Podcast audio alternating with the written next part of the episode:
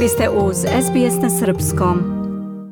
Prošle nedelje u Muzeju Narodnog pozorišta u Beogradu otvorena je izložba o prima balerini Jovanki Bjegojević pod nazivom Jedinstveni saj baletske zvezde autorke Milene Jauković koja će trajati do 31. augusta.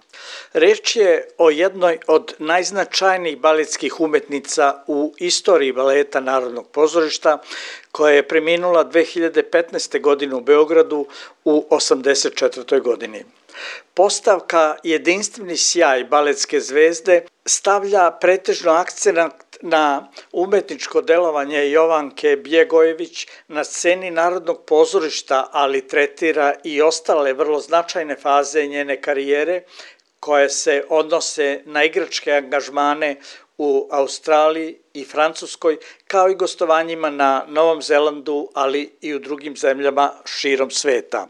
Kritičari se slažu da je bila neponovljiv i nikad prevaziđen igrač u baletima Labudovo jezero, Simfonija, Orfej, Jolanda, Kraljica ostrava, Kineska priča, Romeo i Julija i tako dalje.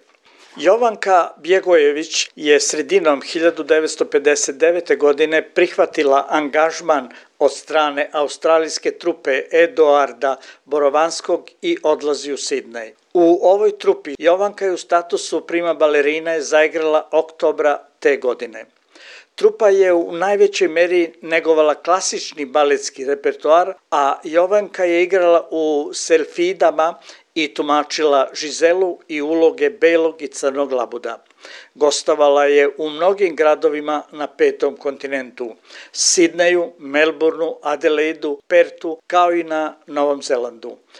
U Beograd se vratila januara 1961. godine. O ovoj izložbi za SBS radio govori autorka postavke Milena Jauković. Izložba koja je posvećena Jovanki Bjegojević prati e, ovu divnu i značajnu umetničku karijeru u svim njenim fazama. Naravno, najveći fokus ove izložbe stavljen je na njen period igranja u Narodnom pozorištu u Beogradu, budući da se najobimnija arhivska građa i vezuje za ovaj period.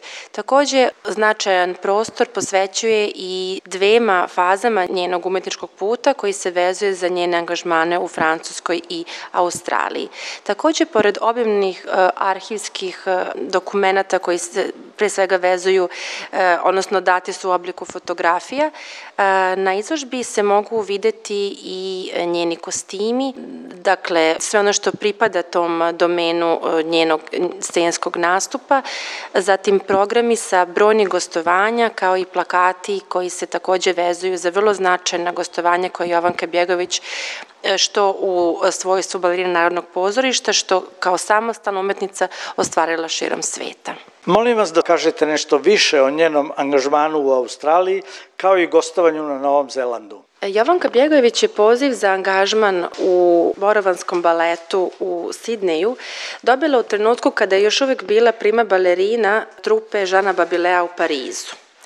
Budući da je jedna vrlo značajna e, turneja u Južnoj Americi otkazana sa pariškom trupom i da je pariška trupa e, rasformirana odlaskom Babilea u dramske i glumačke vode, Jovanka Bjegović je prihvatila poziv tada vrlo značajne trupe Borovanski balet koji je osnovao Eduard Borovanski u Sidneju. Naime, ova trupa je e, prema zamisli njihovog osnivača okupljala isključivo evropske zvezde toga vremena. I Jovanki je bilo ponuđeno da uh, u Borovanskom baletu tumači zaista prvačke uloge, uloge crnog i belog labuda i ulogu Žizele, a takođe imala istaknut svoj nastup u okviru baleta uh, Silfide. Najlepše fotografije na ovoj izložbi upravo pripadaju ovom periodu. Vidimo zaista da je tada bila uistinu prava umetnička i baletska zvezda toga vremena.